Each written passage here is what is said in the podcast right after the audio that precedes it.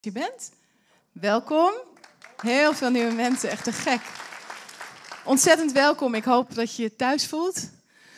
En dat je God ontmoet. Dat je Jezus ontmoet. En, ehm, en dat je een hele goede tijd hebt. Het wordt vandaag een heel interessant uh, praatje, wat ik ga doen. Een praatje. Dus, en tegelijkertijd ben ik aan het zoeken naar waar ik mijn uh, aantekeningen neer kan zetten. Ik denk hier, maar misschien kan iemand mij helpen. Maar voordat we dat gaan doen, wil ik natuurlijk heel graag met gebed openen. Ja, thanks. Was dat? Hoe werkt dat? Ja, ik denk dat het goed komt. Dus, oeh, wat stil allemaal. Ga nog heel even staan met gebed. Is dat zo lekker als je uit aanbidding komt dat je dan denkt, ah, lekker zitten. Maar we zijn actief. Vader, dank u wel voor deze ochtend. Dank u wel voor worship. Dank u wel dat er een enige mogelijkheid is om u iets nieuws te geven, Heer, is tijdens een zondagochtend worship. Dat er deze mensen in deze samenstelling in dit huis bij elkaar zijn om te zeggen: Heer, we aanbidden u. Jezus, we aanbidden u. Heilige Geest, we aanbidden u. De Vader, Zoon en de Heilige Geest.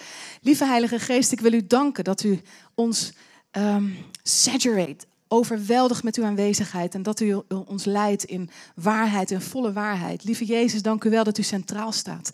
Altijd in deze diensten. Heer, dank u voor het kruis. Dank u voor redding.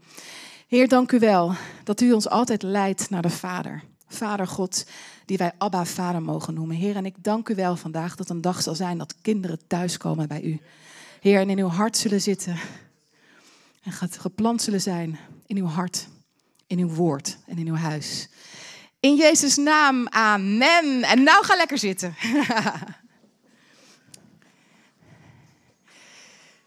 Ah, ik ben Marlies, hoi. Goedemorgen. En uh, ik hoor mezelf vrij hard, dus misschien kan er nog heel iets van een galmpje af of iets uh, als we daarmee bij. Oh, het komt allemaal goed. Fijn. Uh, we zitten in een uh, reeks die heet um, Vertical, verticaal. En het gaat over horizontaal versus verticaal. Eigenlijk hoe het kruis eruit ziet, namelijk verticaal. Jouw relatie met God, de Vader, de Zoon en de Heilige Geest. En horizontaal onze relatie met elkaar in Hem. En um, twee, twee weken geleden, denk ik, sprak Nick over identiteit. En over, uh, vorige week sprak Kees senior over onder andere uh, de situatie in Israël. Maar het ging ook over de zegen van Abraham. Dat wij geënt zijn op die zegen. En ik dacht vandaag, zal ik het gewoon eens hebben over horizontale of verticale zegen. En dan spreekwoordelijk met de billen bloot en een gigantisch getuigenis van mezelf zo op tafel gooien over het thema seks. Ja. Ja. En dan denk je, ja Marlies, jij bent toch niet getrouwd? Nee, dat klopt. Maar ik, ben, ik heb een, eh, een eh, ik, ik denk een, eh, een tien gehaald voor zonde. Anyone with me? En daarom ben ik gelukkig, er zijn er meer. En dus ik dacht, ik wil het vandaag hebben over verticale of horizontale zegen. En ik ga jullie een deel van mijn getuigenis vertellen. En dat vind ik best spannend, mag je eerlijk weten. Maar het is een getuigenis omdat God een hele goede God is. En voordat ik verder ga, misschien denk je, oh, wat, gaan, wat, wat gaat ze nu weer doen? Voelen wij ons allemaal... Ik wil een aantal dingen toelichten voor ik ga starten. Is namelijk uh, de, de context van dit verhaal. Wil ik graag dat je dat in perspectief ziet van zijn waarheid. En zijn goedheid. En zijn genade. Dus wij zijn door het geloof in hem gerechtvaardigd. Dat betekent dat als wij Jezus aanroepen en zeggen: U bent mijn Heer, ik geloof in u, dan ben je instant, dat is direct, bam, gerechtvaardigd. Niets aan te doen, redding is er. Onomkeerbaar. Dus relax. Maar dan is er nog wat anders en dat is heiligheid. En dat is niet iets wat je instantly een soort van, nou, uh, heer, doe mij maar een portie heiligheid en dan zijn we er. Nee, dat is een reis. En een verdraaid vervelende af en toe. Ik ben namelijk nog lang niet heilig, maar when we see him, we'll be like him. Hij vraagt van ons dat wij onszelf heiligen voor hem. En dat is niet goed fout, want uh, in, uh, in Romeinen 8 staat: Er is immers geen veroordeling voor hen die in Jezus Christus zijn. Als je wandelt in zijn nieuwe wet, de wet van de geest. Dus dat betekent, oh Heer, ik weet één ding heel zeker, ik zal fouten maken. Maar door zijn genade, de bekrachtiging om dingen te overkomen, kan ik telkens dag bij dag zeggen, Heer, niet mijn wil, maar uw wil. En dat is het proces van heiliging. En ehm, als laatste, hou die heel goed vast, want dan gaan we zo lekker de diepte in in het seksuele historie van Marlies. Um, daar staat Romeinen 8, 28. God zal alles ten goede keren. Ja? Hou die in je achterhoofd. En dan gaan we het nu hebben over Adam en Eva. Want wij weten waarschijnlijk allemaal dat wij niet vechten tegen vlees en bloed. Het is niet hier wat er gebeurt op aarde waar wij iets um, waar wij tegen vechten. Er staat dat wij vechten tegen principalities en tegen hemelse, hemelse machten. Er is namelijk iets gaande rondom seksualiteit. Zij gaat vast weg met een rode koffertje. Er is iets gaande met onze seksualiteit die een directe verbinding heeft met onze nalatenschap, met de generatie, met de generationele zegen van Abraham, waar Kees Senior onder andere vorige week over had. En die strijd, die is heel duidelijk. Er is zelfs het eerste profetische woord in de Bijbel, vind je in Genesis 3.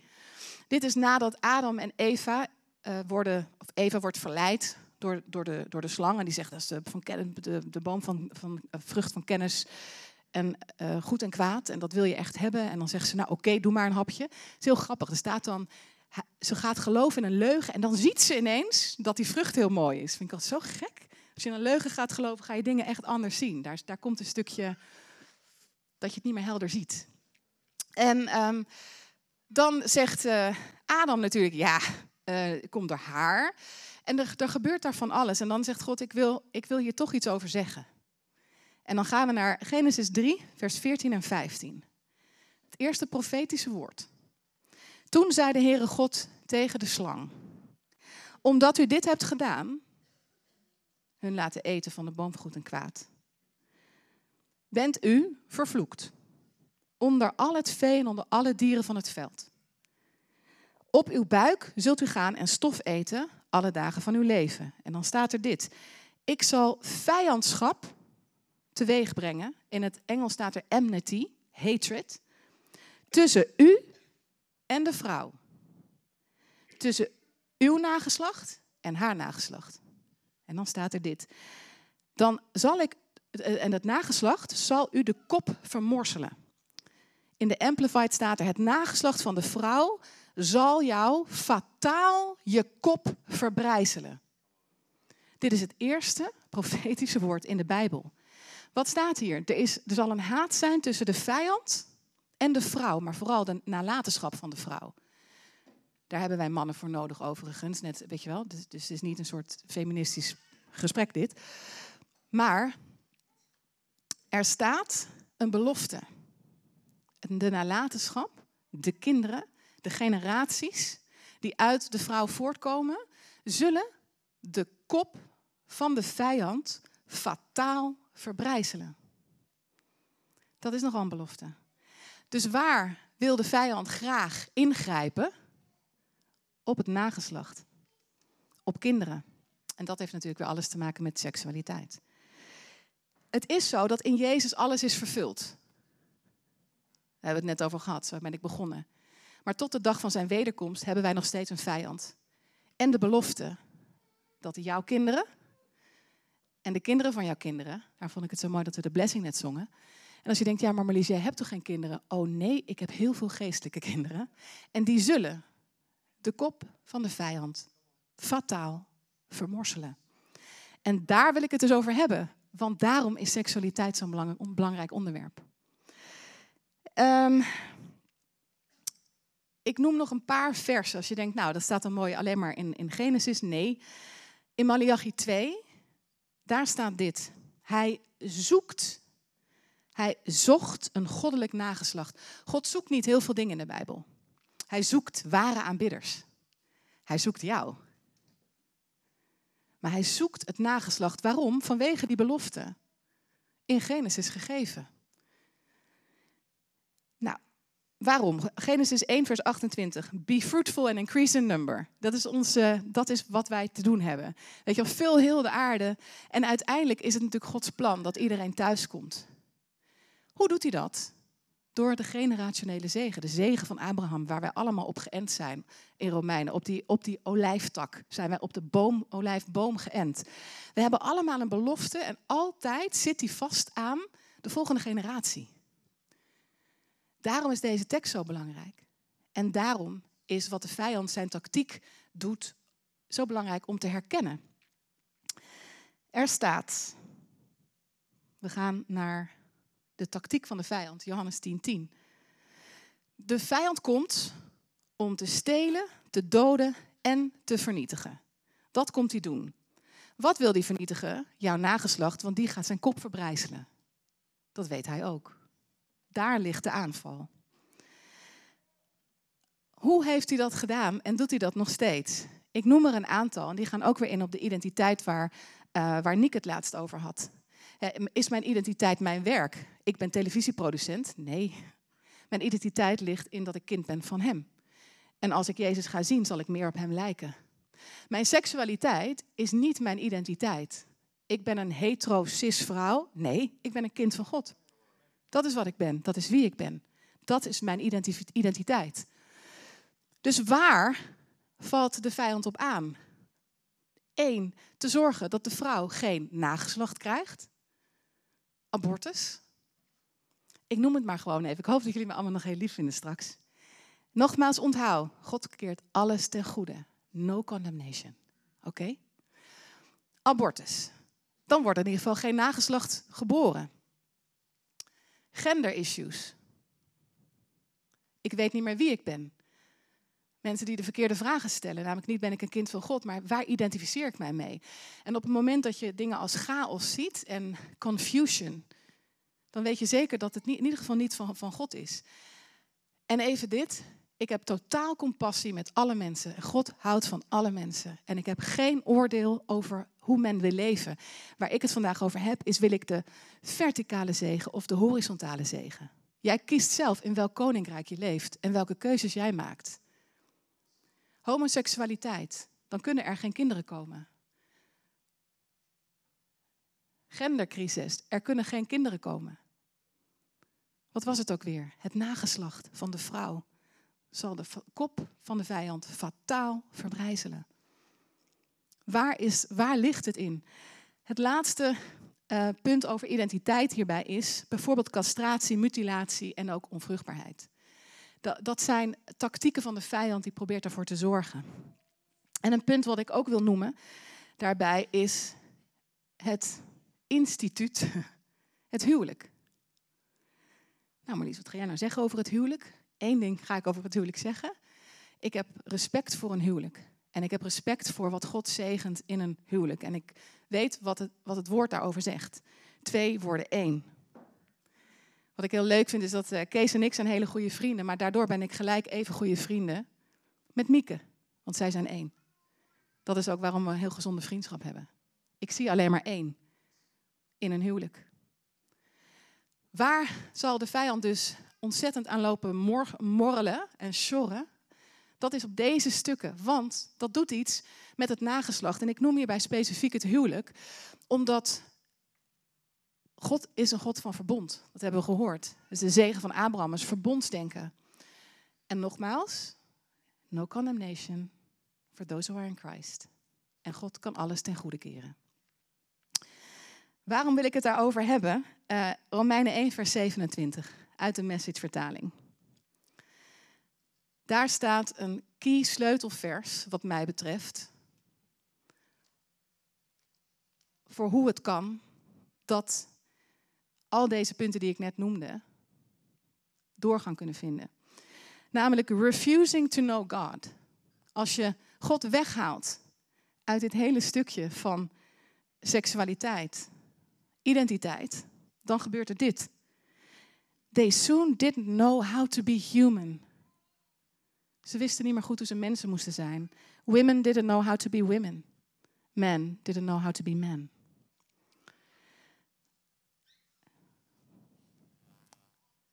De vijand is um, één, gro één grote rotzak. Ik bedoel, waar we het over hebben is de, uh, zoveel, zoveel identiteitscrisis, die kunnen we eigenlijk niet meer bijhouden. En in het huis van God wil ik het graag hebben over de beloftes. En dat we weten waar we tegen strijden. En ik wil benoemen, nogmaals, dat, het, dat heiligheid heeft niks te maken met moralisme. En um, ik zal jullie nou mijn, uh, mijn fantastische verhaal vertellen. Met een lichtelijk schaamrood op de kaken. Maar ik heb een heel mooi verhaal over mijn ontmaagding. Die ga ik gelijk met jullie delen. Dan weet je dat vast. Wat ik, uh, en waarom ik het wil delen, daar kom, daar kom je straks achter, heeft alles te maken met dit verhaal. Mijn, uh, mijn verhaal van mijn eerste kalverliefde is eigenlijk een heel moralistisch verhaal. Dat als je er een film over zou maken, zou je denken, zo, zo, knap hoor.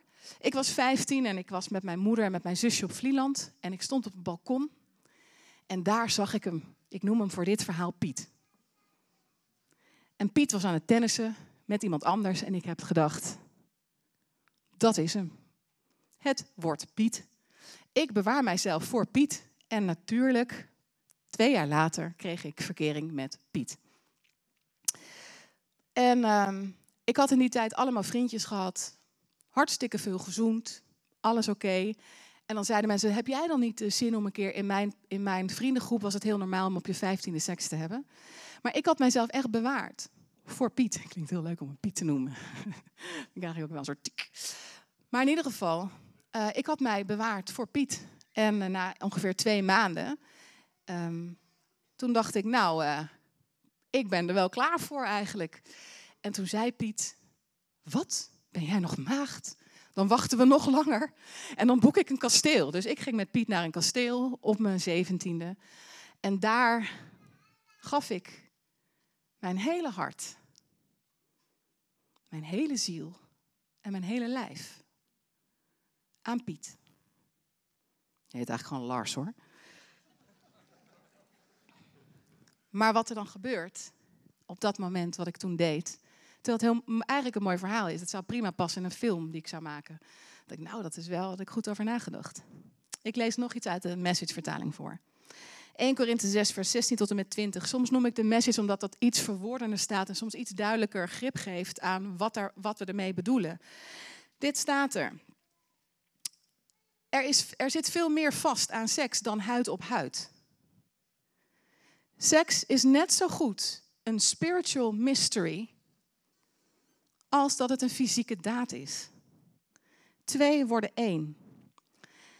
En dan staat er, net zoals we één worden met onze Heer, onze Meester. We moeten niet de seks pursuen, staat er. We must not pursue the kind of sex that avoids commitment or intimacy. Intimacy is verbonden aan liefde. Alles daarbuiten is verbonden aan lust. Wat hier is gebeurd, is dat, je, dat ik met iemand een mystery band ben aangegaan, van geest tot geest. Onze zielen zijn met elkaar verweven geraakt. Wij werden één. En dat staat hier. If you avoid commitment and intimacy, komt dat niet helemaal goed. En dan staat er nog iets daaronder. Er, daar is, er is iets rondom seksuele zonde die anders is dan anders. In sexual sin we violate the sacredness of our own bodies. These bodies that were made for the God-given and God-modeled love for becoming one with one another.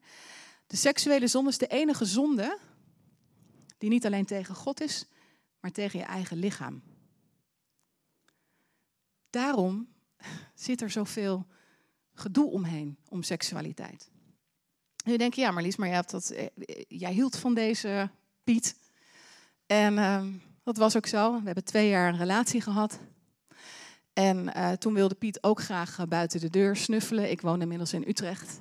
En af en toe kwam Piet nog langs, omdat hij zijn lust wilde vieren met mij. En dat was mijn enige verkering, vriendje. Dus ik dacht, weet je wat, want ik had namelijk mijn hele hart mijn hele ziel en mijn hele lijf aan hem gegeten, gegeven. En al mijn trouwheid. Heb ik dus gedacht, ik wacht wel op jou. Ik wacht wel op je. Je komt wel weer terug. Dat is de eerste keer dat, dat er iets in mij zo geknakt is, omdat dus mijn hele ziel en zaligheid daarin lag. En ehm, ongeveer na een jaar dat wij elkaar wat minder hadden gezien, werd ik ziek. Toen ben ik naar de huisarts gegaan. Ik zei, ik weet niet wat ik heb, maar ik ben gewoon uh, moe en klierig. En, uh, en, uh. en uiteindelijk heb ik allemaal onderzoeken gekregen. En toen was het oordeel dit. Marlies, je hebt chlamydia waarschijnlijk al langer dan een jaar. En dat betekent dat je onvruchtbaar bent. En ehm,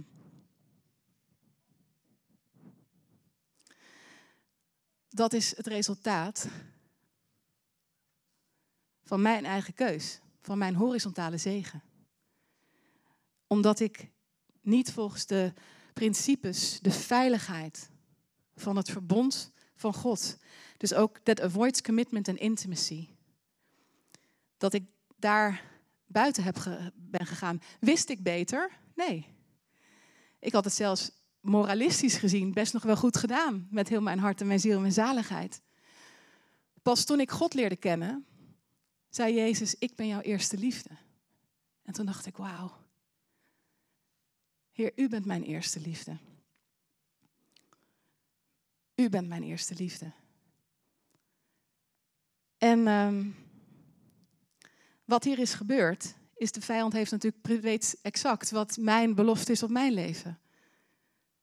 Een groot nageslacht. Dus om mij lam te leggen, kwam er onvruchtbaarheid. En ik weet niet zeker, want God kan alles herstellen. Ik heb nooit, um, ik denk door deze ervaring, doordat ik zo'n trouw wezen ben van mezelf, um, maar er is daar wel iets geknapt. Nadat ik uh, deze chlamydia-infectie uh, kreeg, heb ik Lars opgebeld. Piet. En.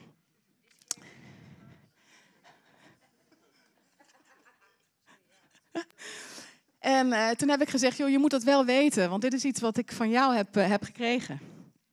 En toen belde hij een uur later terug. En toen zei hij dit. Ja, ik heb het tegen mijn moeder gezegd, maar die zei ook, je denkt toch zeker niet zelf dat Marlies met niemand anders naar bed is geweest? En toen brak ik. Ik denk dat ik diezelfde avond nog met een willekeurig type uit een kroeg gevist in bed lag. En dat is waar ik mijn hele hebben en houden heb bestempeld als waardeloos. Onvruchtbaar, niet geliefd, verbond verbroken. Mijn hele zaligheid lag daar. En um, dat is waar mijn eigenlijk een soort, ja, waar ik geknakt ben. En uh, ik denk dat ik binnen vijf jaar 25 tot 30 kilo was aangekomen. En er is schade ontstaan, net zoals dat je met een bokser in een boksring staat. En uh, je wil een potje robben met iemand en je wil de wedstrijd winnen. Waar ga je dan slaan? Als die neus van die bokser tegenover jou drie keer gebroken is geweest, dan doet die het meeste pijn. Dus dan ga je, op die, dan ga je vol voor die neus. Mijn seksualiteit was gebroken, mijn eigen waarde was gebroken. Dus waar gaat de vijand op af? Dat wat al een keer gebroken is. En daarom deel ik het met je. Maar God kan alles ten goede keren. En door genade, door genade worden wij bekrachtigd om hiervan af te gaan. En um, um,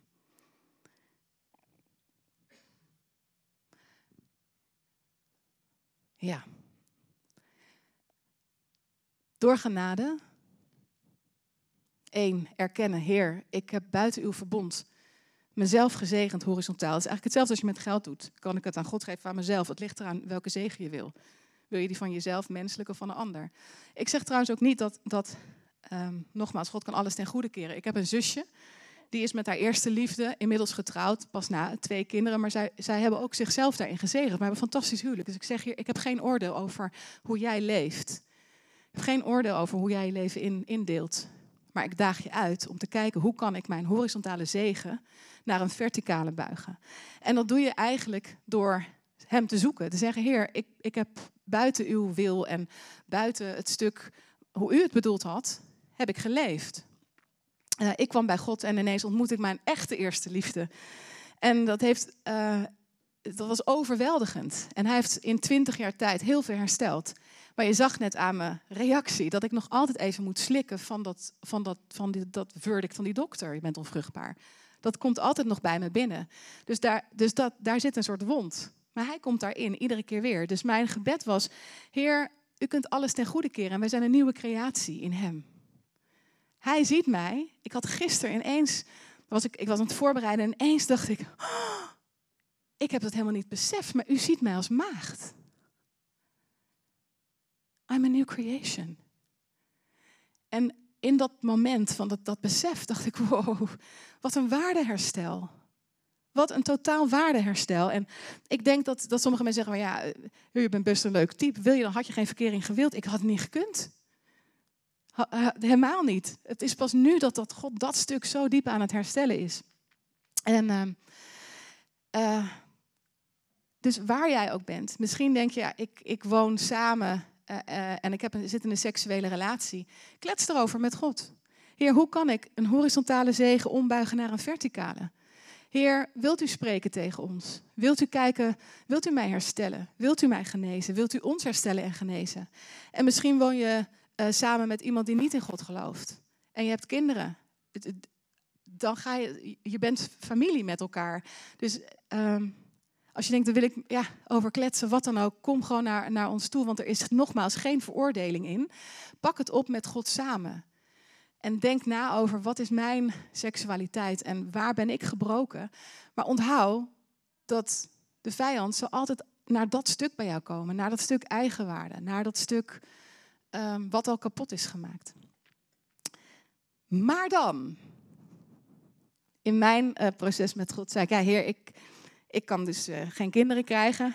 Ik zou ook niet weten hoe. Nou, is heel tof trouwens. Lisa Harper, dat is een Amerikaanse prediker. Uh, zij heeft op haar vijftigste nog ongeveer zo'n verhaal als ik heb. Ze heeft op haar vijftigste nog een kind geadopteerd. Ik ben nog geen vijftig, dus ik dacht, denk, oh.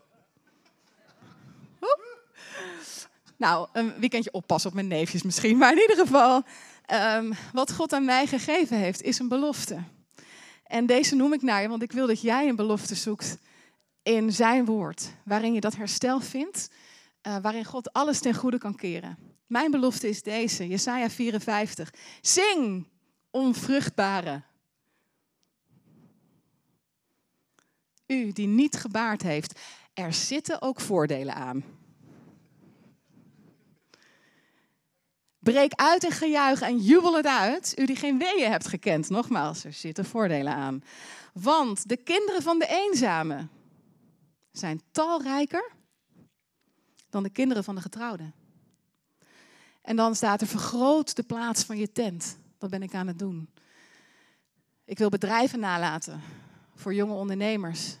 Ik heb een connectgroep en ik wil dat zij meer gaan doen dan ik ooit in mijn leven zal doen. Ik heb uh, vrienden, jongeren in mijn omgeving. Mijn offspring is talrijker, want the Lord is my husband. Ik ben volledig hersteld.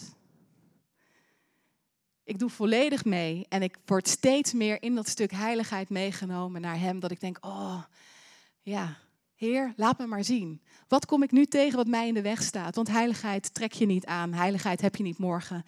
Er zit, er, je, je pakt de bekrachtiging van God in dat stuk. En dan zeg je, Heer, help mij deze dag om niet mijn wil, maar uw wil te doen. En als je zegt, ja, maar ik kies er gewoon voor om in mijn eigen koninkrijk te leven, dat is prima. Maar dan weet je dat de zegen die je hebt, die je ontvangt, die heb je, in Romeinen staat dat, hè, het loon heb je dan al ontvangen. Dan hoef je niet meer te wachten op zijn loon. Kan hij dat niet zegenen of ten goede keren? Ja, zeker wel. Nogmaals, mijn offspring zal talrijker zijn dan die van de getrouwde vrouw. En wie weet, ik ben dus nog lang geen 50. Ik kan nog kinderen adopteren, ik kan nog uh, daten. Moeten ze echt heel leuk zijn? Stel ze gerust aan me voor. Nee, maak een grap. Maar dat dus. Dus mijn vraag aan jou is: welke zegen wil jij ontvangen? Een horizontale of een verticale? En uh, nogmaals, je bent gerechtvaardigd in Hem. Je bent gered, onomkeerbaar. Heiligheid is een proces en daar doe ik al twintig jaar over. En ik ben nog lang niet gearriveerd. Ik heb de genade van God gekregen om de bekrachtiging om elke dag beetje voor beetje, stapje voor stapje, mijn puinhoop op orde te krijgen. En langzaam te kijken, hoe ga ik dat in, inleven? En God keert alles ten goede. Sterker nog, er zal jou een veelvoud van wat jou afgeroofd is gegeven worden. En dat is de belofte waarop ik sta. Wil je gaan staan?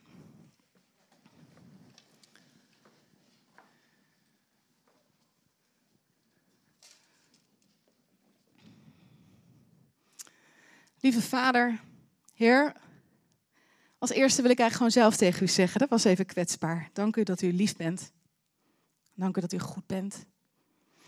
En dank u wel, Vader, dat u in mijn leven dingen heeft omgekeerd. En ik bid, Vader, dat als wij zoeken naar de waarheid en de Heilige Geest leidt ons in volle waarheid, Vader, dat u dat nooit doet in veroordeling, maar altijd in een, in een omhelzing, in een uitnodiging om stap voor stap te kijken, maar wat wil God van mij? En ik bid, Heer, dat deze woorden van vandaag, Heer, over onze, oh, de generatie die wij mogen laten leiden, Heer, naar u, Vader, tot het moment dat u weer komt. Ik bid u, Vader, dat de offspring, van ons sterk zal zijn. Ik bid u en ik dank u, Vader, dat u alles, Vader, ten goede keert. Heer, dank u wel daarvoor. En ik dank u, Vader, dat als mensen hier zitten en denken, woe, dat ze u zoeken en u zullen ontmoeten. In het stuk, Vader, waar gebrokenheid is. Heer, en dank u wel, Vader, dat er uh, een kracht zit, Vader, in ons zaad. En dat u alles ten goede kan keren. En dat wij, Vader, geroepen zijn, Heer, om de kop van de vijand te vermorselen. Heer, dank u wel dat wij door het bloed van Jezus zijn vrijgezet van alle zonden. Heer, en dank u wel, Vader, dat Heer, zonde leidt naar dood, maar u brengt leven. Dus ik bid u, Vader, dat u leven geeft in het moment, Vader, waar de dood is ontstaan, Vader. Uw woord zegt, zonde brengt dood voort. Maar Jezus, u kwam, u stond op uit de dood en door hem hebben we leven. Dus ik wil je vragen op het moment als jij hier bent en je hebt nog nooit ja gezegd tegen Jezus dan wil ik je vragen, misschien wat ongemakkelijk, steek je hand want dan wil ik, willen we bidden. Dus als je zegt, ik wil vandaag Jezus in mijn hart sluiten, dan gaan we met elkaar bidden en daarna bidden we gelijk door om wat dingen te verbreken over jullie leven. En de mijne. Laten we gewoon met elkaar bidden. Heer, dank u wel dat u gestorven bent voor mij aan het kruis. En dat u werkelijk alles kunt herstellen wat ik ooit verkeerd heb gedaan. Vult u mij met uw Heilige Geest. Leid mij in volle waarheid. En ik dank u wel dat u goed bent en dat u alles ten goede keert. Heer, dank u wel voor heiligheid en dat mijn nageslacht de kop van de vijand verbrijzelt. En dank u dat alles wat afgeroofd is, u dubbel herstelt. U bent goed. Amen. Ja, ik zou klappen. Ik vond het heel spannend.